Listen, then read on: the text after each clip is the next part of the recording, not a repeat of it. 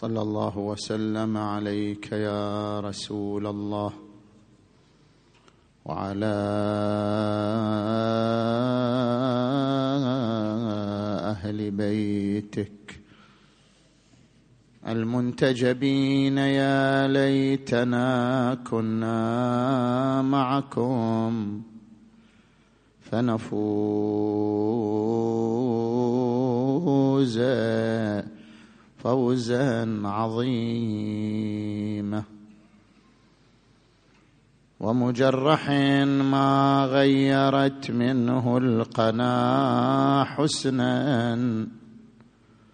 ولا أخلقن منه جديدا. قد كان بدرا.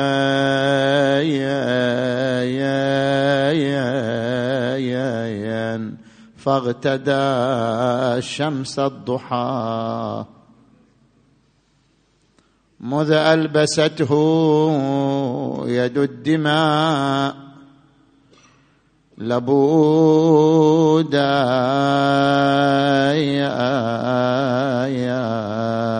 وثواكل بالنوح تسعد مثلها. أرأيت ذا ثكل يكون سعيدا؟ يا يا يا يا. حنا يا يا فلم أر مثلهن نوائحا.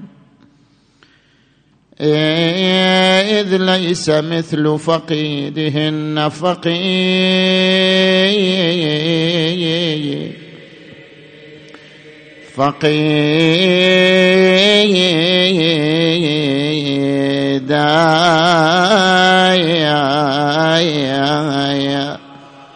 للعيس تحكيها إذا حنت ولا الورقة تحسين عندها التغريد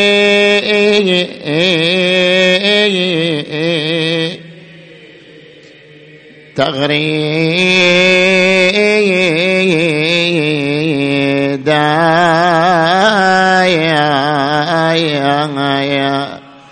وغدايت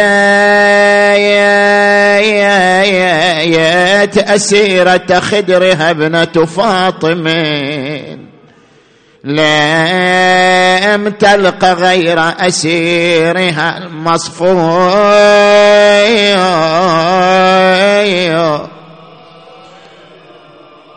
مصفوي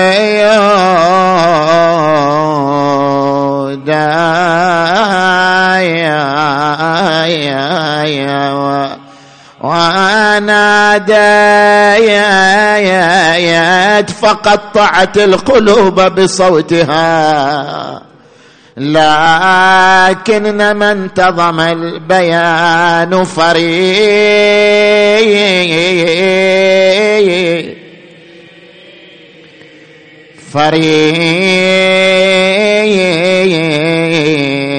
فريدا ناديت فقطعت القلوب بصوتها يا يا يا. لكن من انتظم البيان يا يا نفري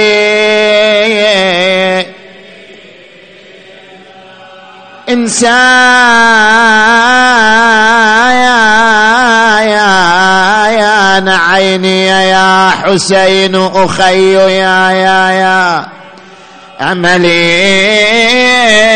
وعقد جماني يا يا يا لمن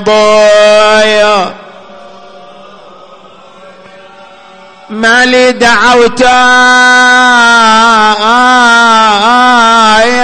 يا يا لا تجيب ولم تكن. عودتني من قبل ذاك. يا يا صدايا ما لي دعوت ياك لا تجيب ولم تكن. عودتني من قبل ذاك صدى يا يا.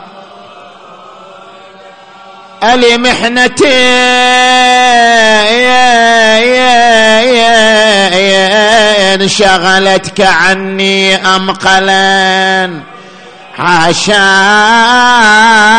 إنك ما بريحت ودو. ويلي ويلي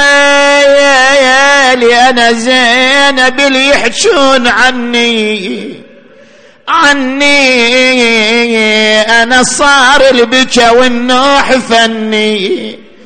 إيه والله سليت المصايب. ما يا يا يا يا يا.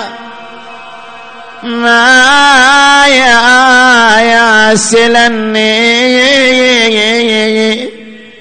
أعوذ بالله من الشيطان الغوي الرجيم. قبل الدخول في الموضوع موضوع المحاضرة نطرح المسألة الشرعية. اختلف السيدان السيد الخوئي والسيد السستاني في جواز السجود على القرطاس. سيدنا الخوئي قدس سره عنده يجوز السجود على كل ما يسمى قرطاس. بغض النظر عن منشأه. قرطاس صناعي قرطاس طبيعي قرطاس يجوز السجود عليه. يجوز السجود على ورق الكلينكس يجوز السجود على ورق الكرتون يجوز السجود على ورق الدفتر. قرطاس. كل ما يسمى قرطاس يجوز السجود عليه بغض النظر عن مصدره بغض النظر عن منشأه. هذه فتوى سيدنا الخوئي قدس سره. أما فتوى السيد السيستاني دام ظله الشريف يقول لا. لابد من البحث.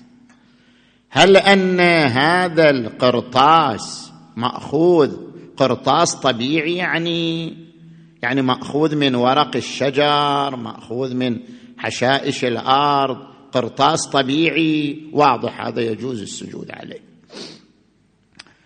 وإن لم يكن موجود هذا إذا ما موجود قرطاس طبيعي وما أمامنا ما يصح السجود عليه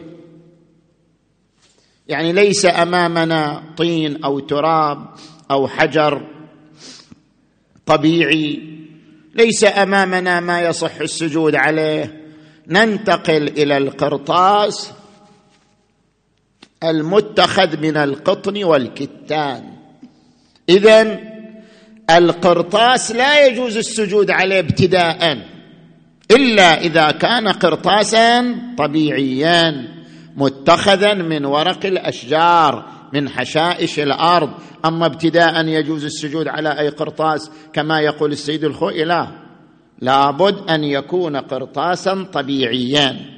نعم إذا لم يوجد القرطاس الطبيعي ولم يوجد ما يصح السجود عليه كالتربة كالطين كالتراب كالحجر الطبيعي كالمرمر الطبيعي نعم حينئذ يسجد على القرطاس المتخذ من خصوص القطن والكتان لا مطلق القرطاس. اذا بينهما اختلاف في هذه المسألة في مسألة السجود على القرطاس. هذا ما أردنا أن نبينه. هذه الكلينكس المحطوط في المسجد الظاهر مو طبيعي مو؟ هذا محارم يسموها كذا مناديل. على راي السيد السيستاني يشكل السجود على مثل هذه المناديل. هذه هذا الكلينكس يشكل السجود عليه بخلاف رأي سيدنا الخوئي قدس سره. زين. نجي الآن إلى المحاضرة. أعوذ بالله من الشيطان الغوي الرجيم. بسم الله الرحمن الرحيم. إن المتقين في مقام أمين. في جنات وعيون يلبسون من سندس واستبرق متقابلين. وزوجناهم كذلك وزوجناهم بحور عين. آمنا بالله صدق الله العلي العظيم. انطلاقا من الآية المباركة نطرح سؤالين لنبحث عن جوابهما. السؤال الأول هل أن أوصاف الجنة في القرآن الكريم تتلائم مع كل الأزمنة وكل المجتمعات البشرية أم لا. والسؤال الثاني إذا كان الوصف الجاذب في الجنة للذكور هو وجود الحور العين فما هو الوصف الجاذب في الجنة للإناث؟ الذكور يجذبهم في الجنة الحور العين فما هو الجاذب للإناث في الجنة؟ نجي الآن إلى السؤال الأول. نلاحظ أن القرآن الكريم يركز على وصف الجنة بصفات معينة. ربما يقول قائل هذه الصفات لا تنسجم مع أمزجة البشر. خصوصا في العصر الحاضر. ربما كانت تنسجم مع أمزجة البشر في عصر الإسلام. ربما كانت تنسجم مع أمزجة البدو في الجزيرة العربية.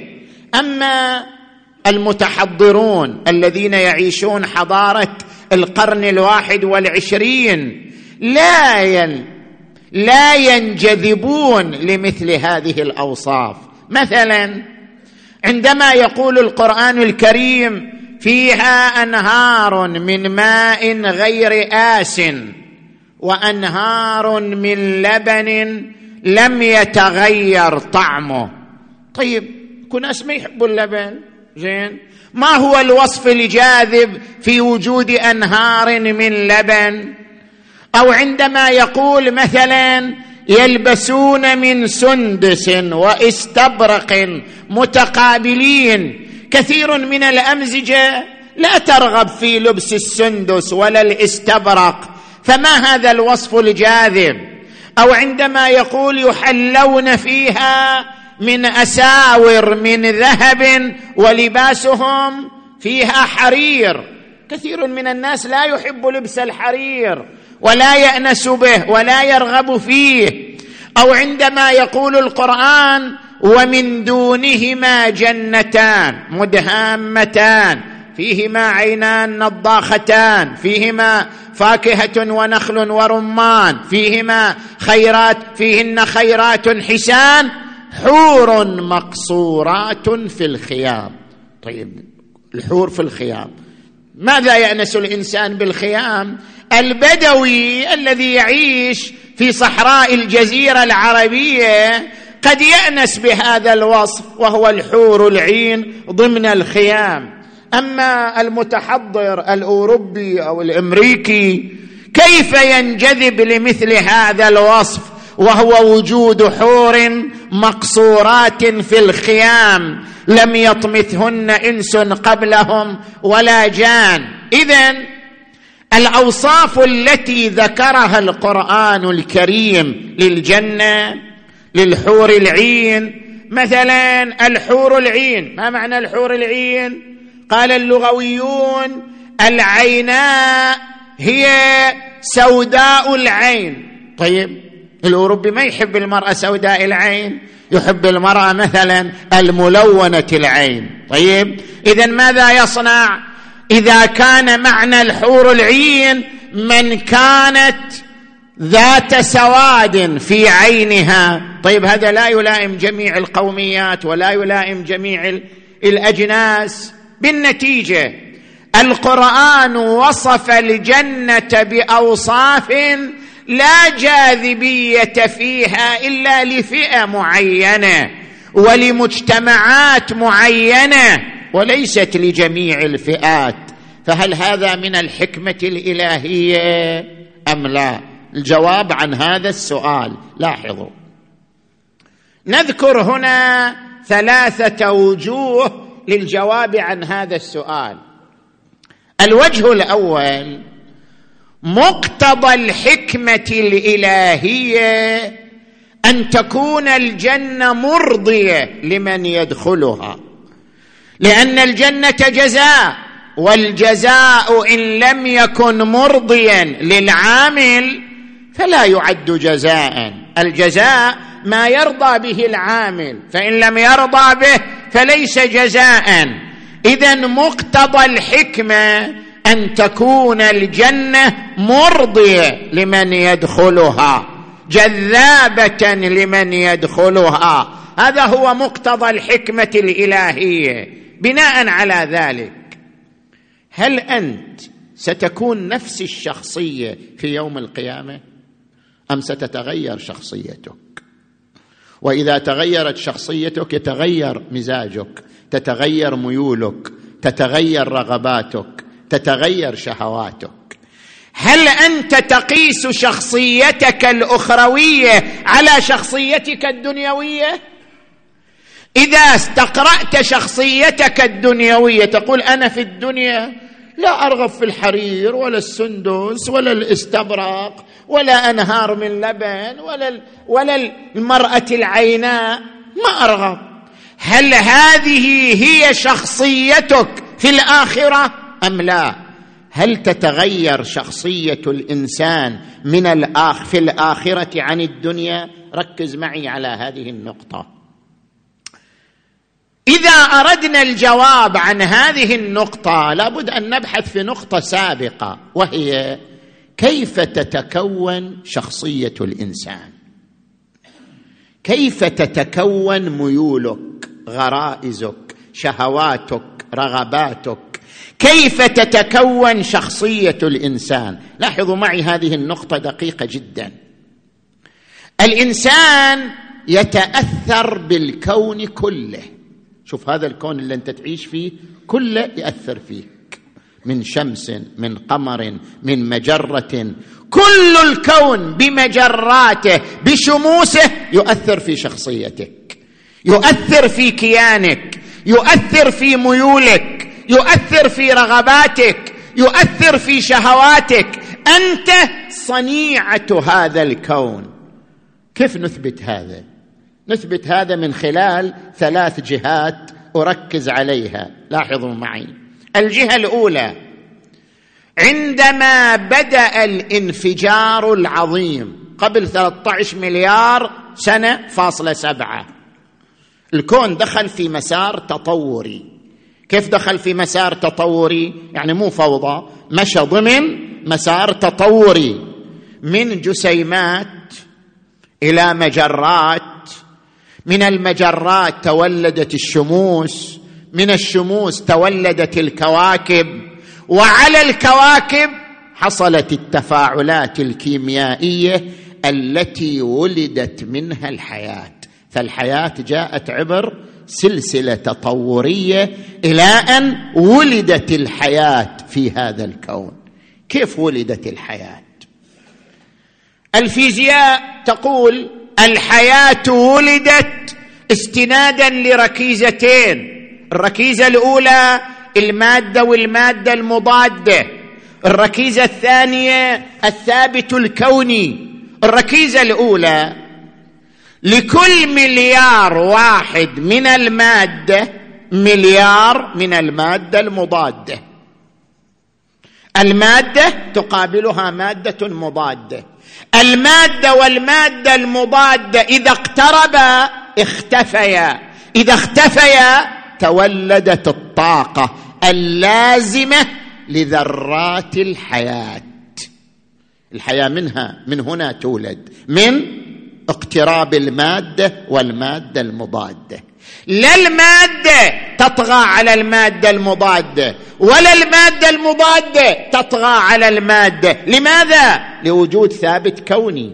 هذه الركيزة الثانية هناك ثابت كوني يحكم التوازن بين أجزاء الكون بين عناصر الكون. ثابت كوني يحكم التوازن كله. هذا الثابت الكوني يقدر إينشتاين في المتر المربع. إيش قد يسوى هذا الثابت الكوني إذا بنحسبه بالنسبة إلى المتر المربع؟ عشرة السالب خمسة اثنين وخمسين. يعني جدا. احتمال دقيق. لا يزيد ولا ينقص. لو زاد فسدت الحياة. لو نقص لم تتولد الحياة. بهذه الدقة للثابت الكوني حفظ التوازن بين المادة والمادة المضادة وبهذا التوازن تولدت الحياة تولدت الذرات البدائية اللازمة للحياة. شنو الذرات البدائية؟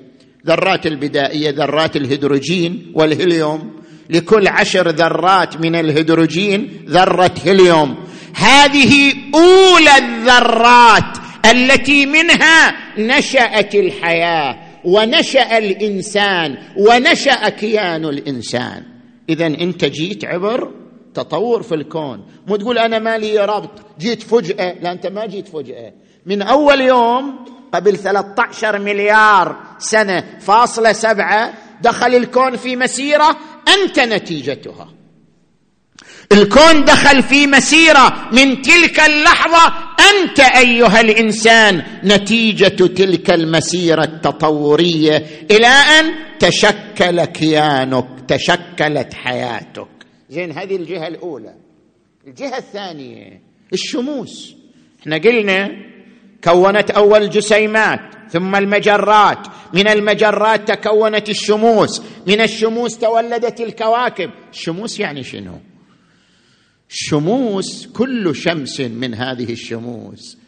أكبر حجما من شمسنا هذه بمليار مرة. شمسنا جزء من مليار جزء من تلك الشموس. تلك الشموس تصنع الذرات البسيطة التي يحتاجها الإنسان. زين؟ وتصنع الحديد. شوف من الغرائب. أنا فقط أذكر هذه النقطة استطرادا. من الغرائب جدا. الشموس تصنع الحديد؟ ترى الحديد ما يطلع من الأرض. الحديد تصنعه الشموس. الشموس تصنع الحديد لكن الحديد يمرضها. يمرض الشموس يمتص طاقتها ويقوى عليها. لاحظوا تعبير القرآن تعبير دقيق. وأنزلنا ال... يعني الحديد ما يطلع من الأرض. وأنزلنا الحديد. فيه بأس شديد. بأس شديد مو عليك أنت فقط حتى على الشمس. البأس الشديد حتى على الشمس التي تصنعه الحديد يمرض الشموس. شوف هالشموس الضخمة حجمها أكبر من حجم شمسنا بمليار مرة لكن هذه الشمس العظيمة تبتلع كل شيء إلا الحديد. ما تقدر تبتلعه الحديد يقوى عليها يمرضها يضعفها. فإذا قوي عليها انفجرت. وهذا الانفجار يسمى بسوبر نوفا. هذا الانفجار منه تتكون العناصر الثقيلة ومنها الحديد الذي يحتاج إليه جسمك. جسمك يحتاج إلى ذرات من هذه الشموس ويحتاج إلى الحديد والعناصر الثقيلة التي تتكون نتيجة انفجار سوبر نوفا اذا أنت محتاج إلى تلك الشموس أيضا. هذا عامل ثاني دخيل في شخصيتك. العامل الثالث الجهة الثالثة. عندما نأتي لما ذكرناه اولا شنو ذكرنا اولا؟ قلنا الكواكب على سطح الكواكب حصلت التفاعلات الكيميائية ومنها تولدت الحياة. كيف تولدت الحياة؟ تولد الحمض الأميني. الحمض الأميني يقوم عليه جسم الإنسان قياما كاملا. شوف الجينوم البشري سلسلة طولها مليار حمض أميني. الجينوم البشري سلسلة طولها مليار حمض أميني من هذه السلسلة أوامر لبناء الخلية لبناء الجسم. من هذه السلسلة تتولد البروتينات. من هذه السلسلة قوام الشفرة الوراثية. الشفره الوراثية اللي تكتسبها أنت من آبائك وأجدادك. اذا أنت شخصيتك من وين تكونت؟ أنت شخصية. واحد يسأل ما هي شخصيتي؟ شخصيتي هي ميولي. شخصيتي هي غرائزي. شخصيتي هي رغباتي. من أين تكونت رغباتك وميولك وغرائزك؟ من أين تكونت؟ من هذه الذرات البسيطة والثقيلة. الذرات البسيطة والثقيلة من أين اكتسبتها؟ من تلك الشموس التي هي أكبر من شمسك في مجرة درب التبانة. أنت من أين اكتسبت شخصيتك؟ من صفاتك الوراثية. صفاتك الوراثية من أين اكتسبتها؟ من هذا الحمض الأميني. هذا الحمض الأميني من أين أتى؟ من التفاعلات الكيميائية على سطح الكواكب التي انحدرت من مسيرة تطورية لهذا الكون بأكمله. اذا أنت ابن الكون. أنت متأثر بالكون كله. أنت صناعة وخلاصة وعصارة. الكون كله الكون كله لك.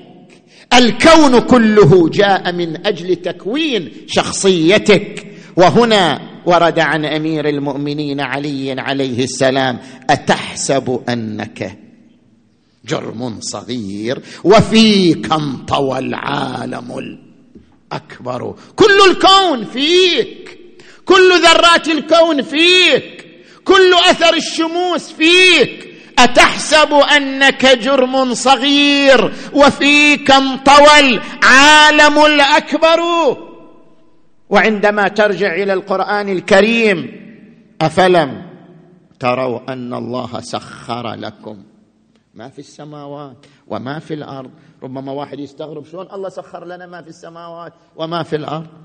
جسمك. اعتمد على هذه الذرات على أثر هذه العناصر خفيفها وثقيلها. سخر لكم ما في السماوات وما في الأرض وأسبغ عليكم نعمه ظاهرة وباطنة. اذا أنت ابن هذا الكون. طيب وصلنا إلى الجواب. بما أنني ابن هذا الكون شخصيتي ومزاجي ورغباتي وشهواتي جاءت بتشكيلة هذا الكون. فإذا تغير الكون سوف تتغير؟ شخصيتي لا محالة. إذا تغير الكون الذي جئت منه سوف يتغير مزاجي سوف تتغير رغباتي سوف تتغير شهواتي. فهل الكون سيبقى أم الكون؟ سيتغير. سيتغير الكون. القرآن الكريم يقول يوم تبدل الأرض غير الأرض والسماوات وبرزوا لله الواحد القهار. الكون سيتغير فحتما ستتغير شخصية الإنسان. وإذا تغيرت شخصية الإنسان ستتغير ميوله ستتغير رغباته ستتغير شهواته. لأجل ذلك ليس من المنطق العلمي أن يقول الإنسان هناك أصناف من البشر لا ترغب في السندس والاستبرق والحرير واللبن والحور العين. أنت تقيس على الإنسان في الدنيا على الإنسان ابن هذا الكون. أما الإنسان الأخروي فما هي رغباته وما هي شهواته وما هي ميوله ومزاجه فهذا لا يمكن استنتاجه من الإنسان الدنيوي الذي هو ابن هذا الكون وخلاصة هذا الكون. هذا هو الوجه الأول من الجواب. صلوا على محمد وآل محمد.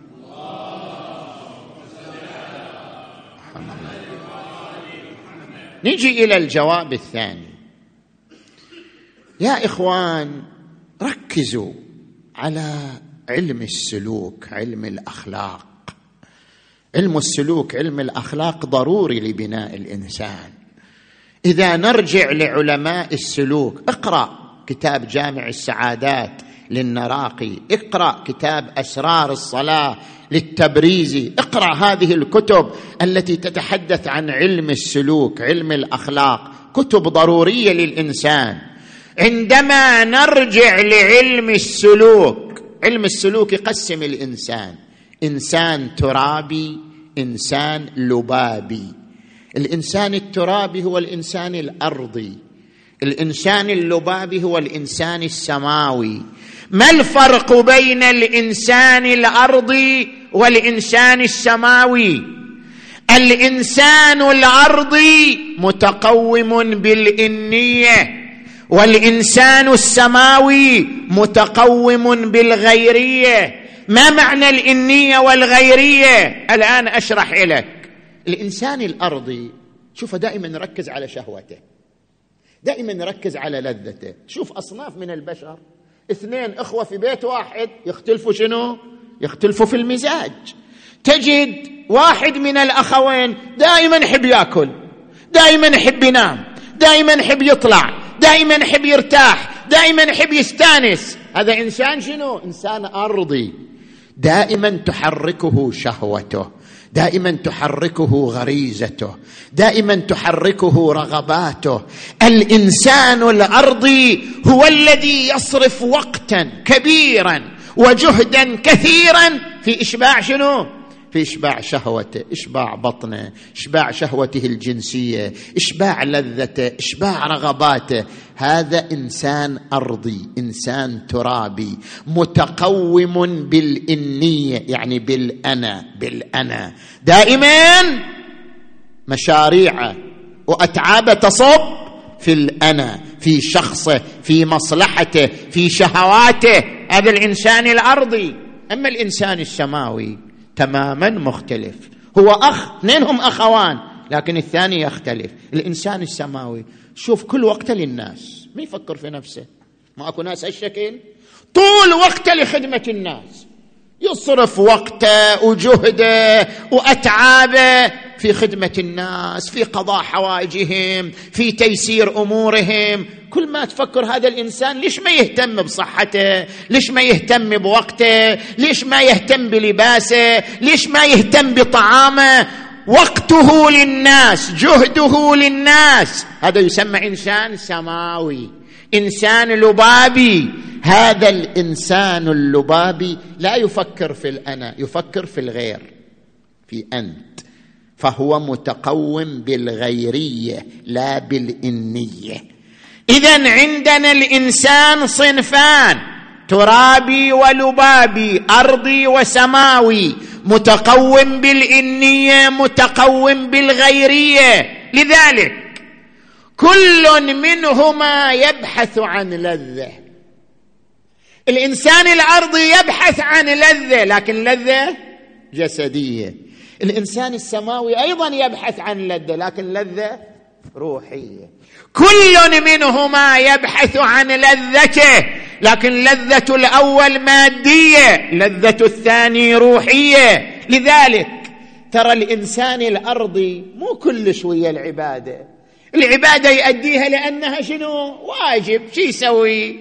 يصلي يصوم. لأنه واجب. شو يسوي؟ فإذا يتعامل مع العبادة معاملة وظيفية.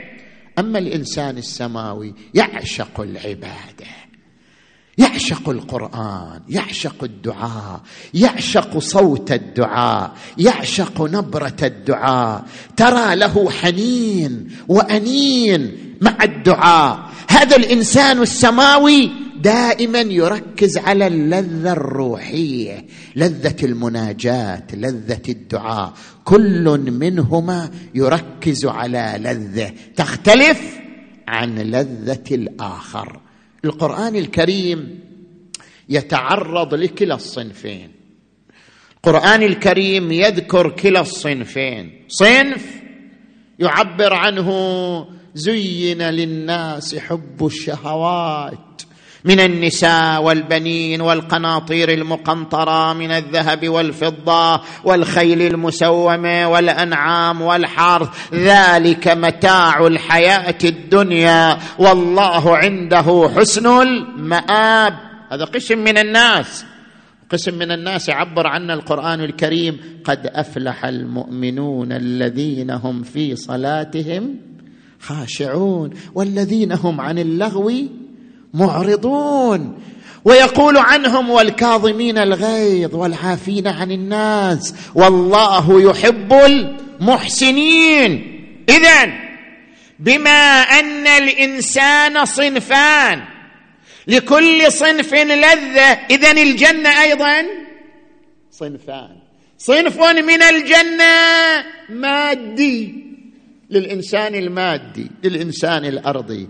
وصنف من الجنة روحي للإنسان السماوي للإنسان الذي يركز على لذة روحية على لذة الدعاء والمناجاه لاحظوا كيف القرآن يعبر عن الصنف الأول والصنف الثاني. يقول زين للناس حب الشهوات من النساء والبنين والقناطير المقنطرة من الذهب والفضة والخيل المسومة والأنعام والحرث. ذلك متاع الحياة الدنيا. والله عنده حسن المآب.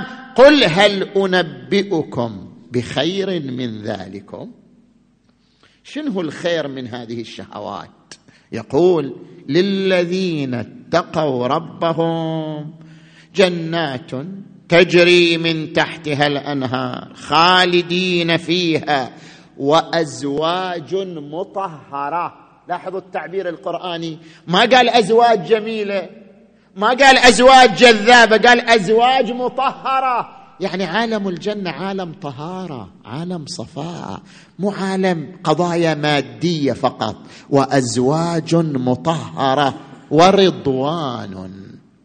من الله. والله بصير بالعباد. الجنة دار الرضوان. قبل أن تكون دار الحور العين. الإنسان السماوي يطلب الجنة لا لأنها دار الحور العين لأنها دار الرضوان. ما معنى الرضوان؟ الرضوان لذة جوار الله. لذة تجلي الله لذة شهود آيات الله وعجائبه.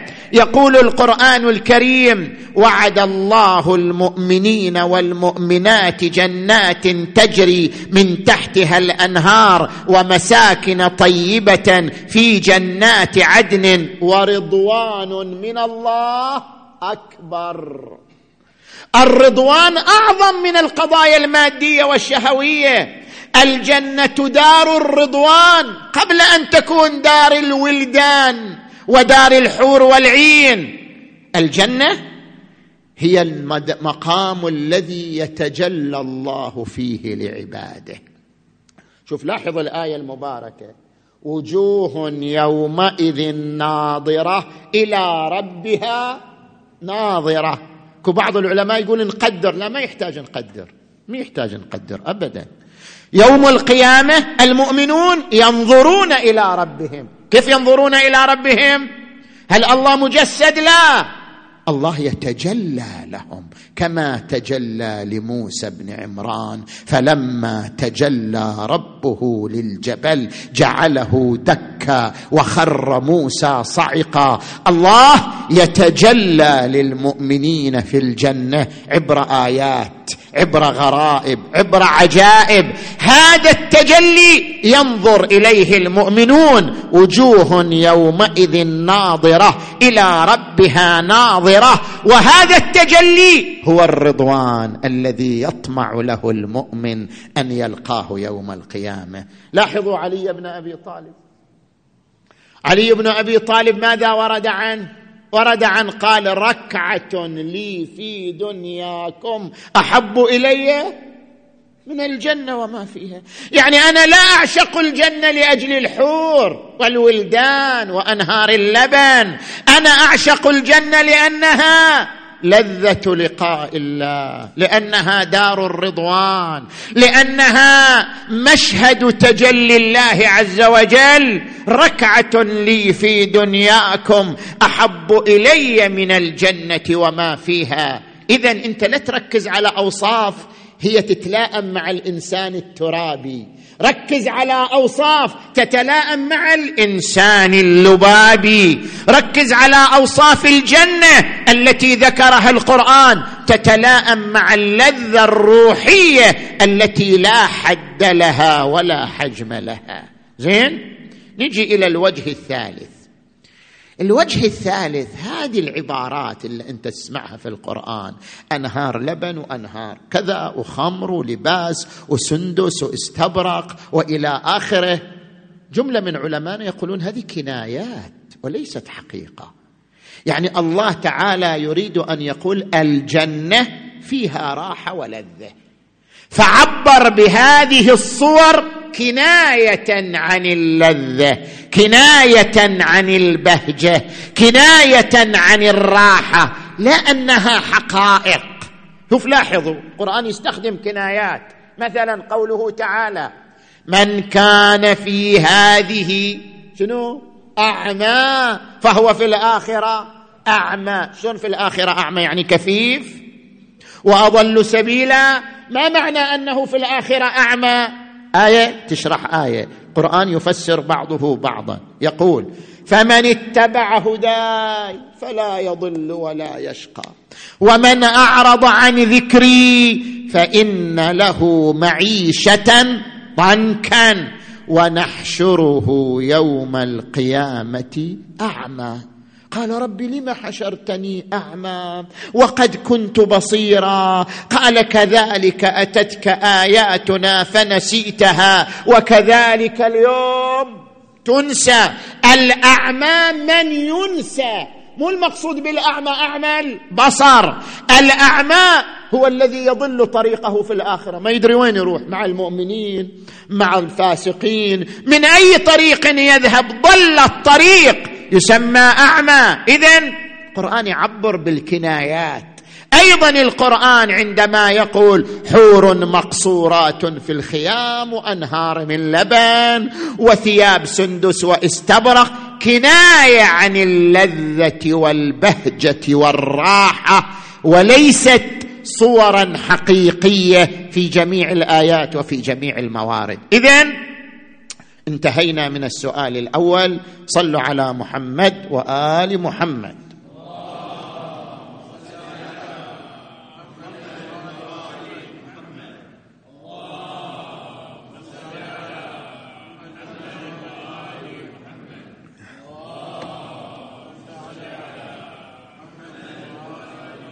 نجي إلى السؤال الثاني باختصار طبعا أتعرض إليه.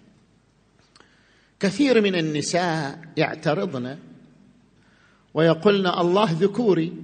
لأن دائما يقدم الرجل يعني حتى الله ذكوري. دائما يقدم الرجل. بل يقدم الرجل حتى في الجنة. ما يكفينا الدنيا نعيش فيها بلاء. بلاء الرجال حتى في الجنة الرجل مقدم علينا.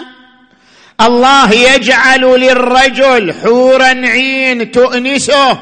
والمرأة زين ما هو نصيبها من الجنة؟ لماذا هذه اللغة الذكورية في القرآن الكريم حتى في وصف الجنان الرجل يعد له الحور العين والجنة تبحث والمرأة تبحث عن نصيبها؟ أين في الجنة؟ لاحظوا هذه النقطة.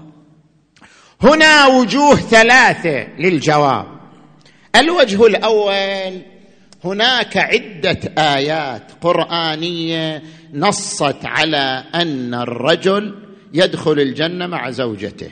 ترى أنت وزوجك تدخلي الجنة. إلا إذا أنت ما تشتهي زوجك بعد؟ هذا شيء ثاني. وإلا المرأة تدخل الجنة مع زوجها. زين؟ مع زوجها الذي عاشت معه في الدنيا تدخل الجنة معه. المرأة المؤمنة لاحظ الآية المباركة. ربنا وأدخلهم جنات عدن ومن صلح من آبائهم وأزواجهم. ربنا وأدخلهم جنات عدن التي وعدتهم ومن صلح من آبائهم وأزواجهم وذرياتهم. انت تدخل مع زوجتك مع أولادك إلى الجنة. شو تريد بعد؟ قصر مخصص لك أنت وزوجتك وأولادك. فالمرأة تدخل مع زوجها. وأيضا في آية أخرى قوله تعالى جنات عدن يدخلونها ومن صلح من آبائهم وأزواجهم. المرأة تدخل الجنة مع زوجها. هذا لا يكون سبب للقلق. زين. نجي إلى الوجه الثاني من الجواب. كلمة الأزواج في القرآن جمع زوج والزوج يطلق على المذكر وعلى المؤنث. القران يستعمل الزوج في المؤنث أمسك عليك زوجك واتق الله. ويستعمله في المذكر قد سمع الله قول التي تجادلك في زوجها. اذا الزوج وصف للمذكر والمؤنث. اذا كلمة أزواج تصلح للمذكر وللمؤنث. اذا عندما يقول تعالى في كتابه الكريم ومن آياته أن خلق لكم من أنفسكم أزواجا. الأزواج هنا تشمل الذكور والإناث والخطاب يشمل الذكور والإناث.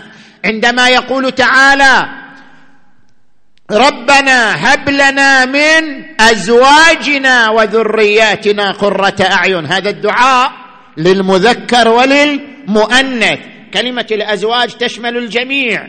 لذلك عندما نقرأ قوله تعالى لهم فيها أزواج مطهرة. وندخلهم ظلا ظليلا. أزواج مطهرة تشمل الذكور والإناث. أيضا يقول لهم فيها أزواج مطهرة وهم فيها خالدون. ويقول تبارك وتعالى هم وأزواجهم في ظلال على الأرائك متكئون. هم وأزواجهم أزواجهم من المذكر ومن المؤنث. هذه الآيات تشمل الذكور والإناث. زين نجي إلى الجواب الثالث والأخير. الزوجية في اللغة العربية وقد استعملها القرآن كذلك. الزوجية في اللغة العربية لها معاني ثلاثة. المعنى الأول أن المراد بالزوجية التصنيف. مثلا وكنتم ازواجا ثلاثة. ما تقرأ في سورة الواقعة؟ وكنتم ازواجا ث... يعني شنو ازواجا ثلاثة؟ يعني أصناف ثلاثة. وكنتم ازواجا ثلاثة. فأصحاب الميمنة ما أصحاب الميمنة أصحاب المشأمة ما أصحاب المشأمة السابقون السابقون أولئك هذه أزواج ثلاثة يعني أصناف ثلاثة. فسبحان الذي خلق الأزواج كلها يعني الأصناف كلها مما تنبت الأرض ومن أنفسهم ومما لا يعلمون. أو عندما يقول القرآن ثمانية أزواج من الضأن اثنين ومن المعز اثنين. ثمانية أزواج يعني أصناف. فالزوجية هنا بمعنى التصنيف لا بمعنى الذكر والأنثى. المعنى الثاني للزوجية هو الذكور والأنوثة. عندما يقول القرآن الكريم ومن آياته أن خلق لكم من أنفسكم أزواج أزواج يعني ذكر يقابله الأنثى. الزوجية هنا بمعنى الذكر والأنثى. أكو معنى ثالث للزوجية. وهو الاقتران. زوجه يعني قرينه من يقترن معه. شلون؟ الآن مثلا أقرأ لك من القرآن الكريم. إذا الشمس كورت وإذا النجوم انكدرت وإذا الجبال سيرت وإذا البحار سجرت وإذا العشار عطلت إلى أن يقول وإذا النفوس زوجت. يعني شنو زوجت؟ يعني أعطوها زوجة؟ لا. وإذا النفوس زوجت كل نفس تأتي يوم القيامة معها قرين. هذا معنى وإذا النفوس زوجت. اقرأ قوله تعالى القرآن يفسر بعضه بعضا. وجاءت سكرة الموت بالحق. ذلك ما كنت منه. تحيد ونفخ في الصور. ذلك يوم الوعيد وجاءت كل نفس معها سائق وشهيد. هذا معنى النفوس زوجت يقرن. وجاءت كل نفس معها سائق وشهيد. لقد كنت في غفلة. من هذا فكشفنا عنك غطاءك فبصرك اليوم حديد. اذا النفوس زوجت يعني قرنت بسائق وشهيد. من هنا نفهم معنى قوله تعالى إن المتقين في مقام أمين في جنات وعيون يلبسون من سندس واستبرق آمنين. وكذلك شنو؟ كذلك وزوجناهم مزوجناهم يعني أعطيناهم زوجات لا قرناهم لأجل خدمتهم. كذلك وزوجناهم بحور عين زوجناهم يعني قرناهم بالحور العين. يدخل الجنة ومعه الحور العين لخدمته. وهذا لا فرق فيه بين الرجل والمرأة. كلمة المتقين تشمل الرجل والمرأة. إن المتقين في مقام أمين في جنات وعيون. يلبسون من سندس واستبرق متقابلين. كذلك وزوجناهم يعني الرجال والإناث. هم هم المتقون. كذلك وزوجناهم بحور عين يعني قرناهم بالحور العين لأجل خدمتهم. اذا الجنة للرجال وللنساء وللنساء. لا تقلق ولا تقلقي. زين؟ لا يقلق الرجل أن بيخسر زوجته وبيحصل الحورية لا. إن شاء الله زوجتك وياك. ولا تقلق المرأة أنها تفقد زوجها زوجها معها. شوف لاحظ الآية المباركة.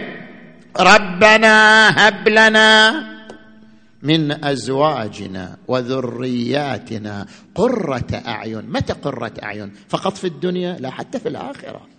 زوجتك وذريتك قرة عين لك في الدنيا وفي الآخرة. أنت في الآخرة تبتهج برؤية زوجتك وذريتك معك في قصرك في جنتك. هم قرة عين. الزوجه قرة العين الزوجة الصالحة. الذرية قرة العين الذرية الصالحة.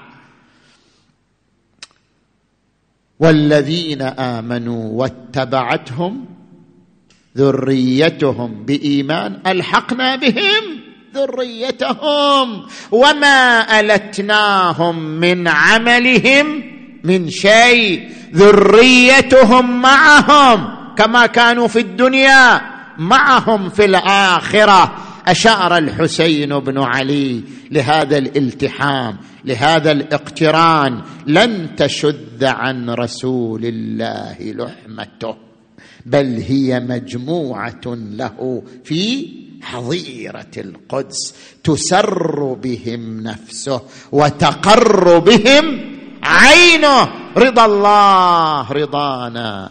أهل البيت نصبر على بلائه ويوفينا أجور الصابرين. إذا تشوف الإمام الحسين يركز يوم العاشر على أنه ابن بنت رسول الله فوالله ما بين المشرق والمغرب ابن بنت نبي غيري فيكم ولا في غيركم. يريد أن يقول أنا مع جدي رسول الله لأنني ذريته لأنني امتداده لأنني سيد شباب أهل الجنة. فأنا معه كما كنت في الدنيا فأنا معه في الجنة. لذلك لما رآهم مصرين على قتاله رفع يديه إلى السماء وقال اللهم فرقهم تفريقا ومزقهم تمزيقا واجعلهم طرائق قددا ولا ترضي الولاة عنهم أبدا فإنهم دعونا لينصرونا ثم عدوا علينا يقاتلوننا ويحكم أهؤلاء تعبدون وعنا تتخاذلون أجل والله غدر فيكم قديم وشجت عليه أصولكم وتآزرت عليه فروعكم لقد استحوذ عليكم الشيطان فأنساكم ذكر الله العظيم. كيف تقبلون على اباده عترة رسول الله؟ وإذا هي ساعات وإذا ذرية رسول الله على الثرى بين ملقا على يمينه وملقا على شماله وملقا على قفاه أجسادهم مبضعة أوصالهم موزعة. يقول بعض الرواة خفقت زينب خفقة. في تلك في تلك الساعة في ذلك اليوم ماذا رأت في منامها السيدة زينب؟ وإذا بها ترى رسول الله أشعث أغبر. الله أكبر. رسول الله أشعث اغبر ماذا يصنع؟ وبيده قارورة. يبحث بين الأجساد ويجلس عند كل جسد ويأخذ من دمه قطرات ويضعها في القارورة. عظم الله لك الأجر يا رسول الله. أحسن الله لك العزاء يا رسول الله. كأن العقيلة زينب سارت خلف رسول الله وإذا به يصل إلى جسد أخيها.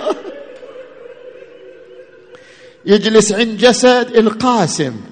ويجلس عند جسد الأكبر ويجلس عند جسد العباس ويجلس عند جسد عبد الله الرضيع.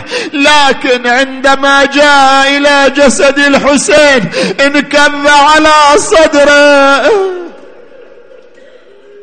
هذا العزيز هذا العزيز الحبيب أبو عبد الله.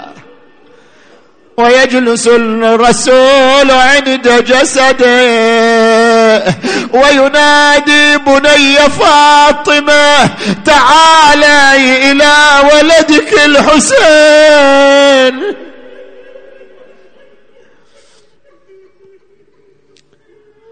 أفاطمة لو خلت الحسين